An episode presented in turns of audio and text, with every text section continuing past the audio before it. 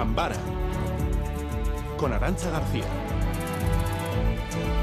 El gobierno vasco se revela contra el silencio impuesto en torno a las palabras del exministro Barrio Nuevo el Endacari y reclama un pronunciamiento público a los partidos que estaban gobernando mientras actuaba el terrorismo de Estado, al partido de Barrio Nuevo, pero también al Partido Popular que le indultó y reclama a la Fiscalía que piense si podría investigar si esas declaraciones son constitutivas de un delito de humillación a las víctimas. Si se produjera alguna de las dos vías, el Gobierno va a respaldar todas las iniciativas que se puedan plantear y que busquen el reconocimiento de la injusticia del daño causado y también el conocimiento de la verdad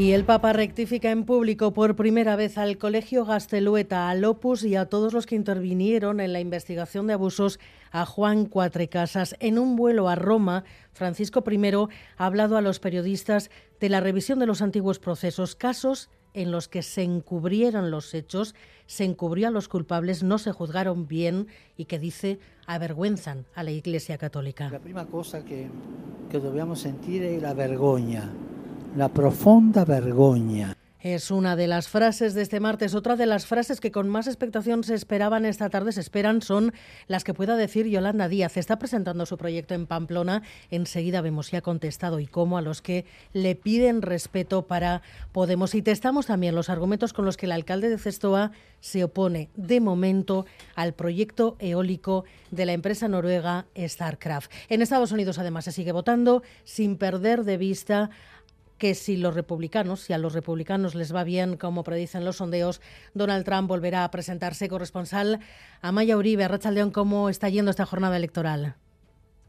Bueno, pues a Racha León, aquí en Washington, lo que estamos viendo son largas colas en los centros de votación. Los votantes nos dicen que son unas elecciones decisivas porque hoy, además del control de las dos cámaras, está en juego también el rumbo de ese país y el futuro de Joe Biden. Tenemos que recordar también que son las primeras elecciones que se celebran tras el asalto al Capitolio y los republicanos han seguido agitando el fantasma del fraude electoral. Hay cierta tensión en el ambiente, pero todo dependerá, cómo no, de lo que diga hoy Donald Trump. El expresidente ha ido a votar a un colegio electoral de Florida, ha dicho que será una gran noche y que el próximo martes habrá noticias importantes. Esperamos que ese día Trump anuncie su candidatura para las elecciones de 2024. A quien todavía no hemos visto es a Biden, sabe que tiene las encuestas en contra y que los demócratas podrían perder el control de las dos cámaras, lo que sin duda sería un duro varapalo para el presidente.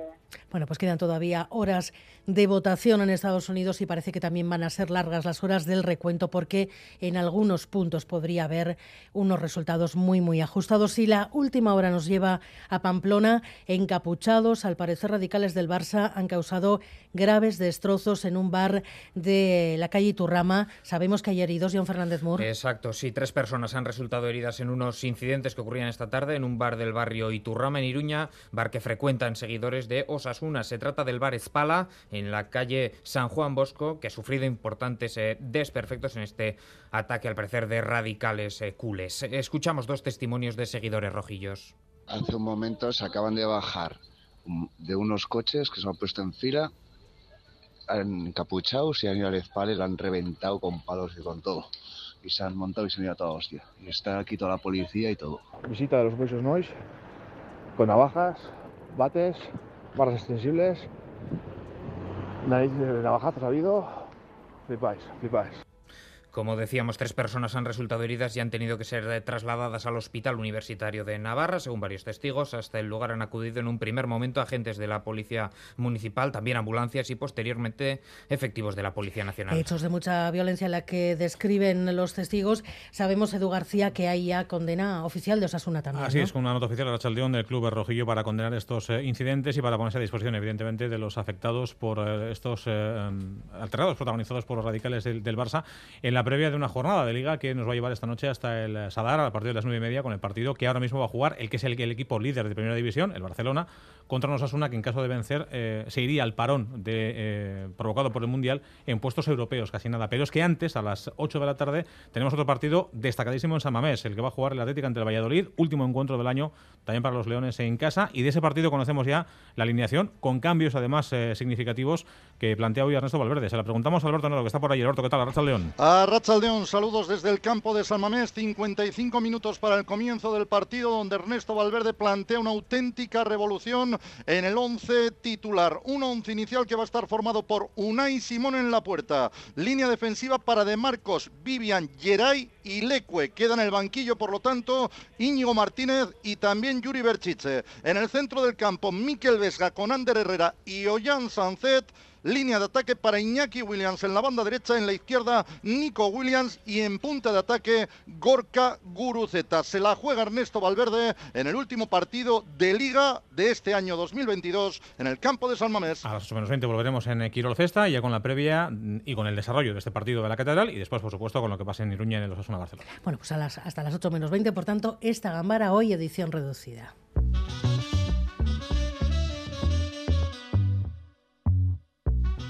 Pero antes nos quedan bastantes cosas que contarles y una de ellas es la primera condena por fabricar una noticia falsa. El condenado, un tuitero guardia civil que atribuyó a Menas de Cataluña una brutal agresión. En realidad, luego se ha sabido, las imágenes se habían grabado en China. Cristina Vázquez.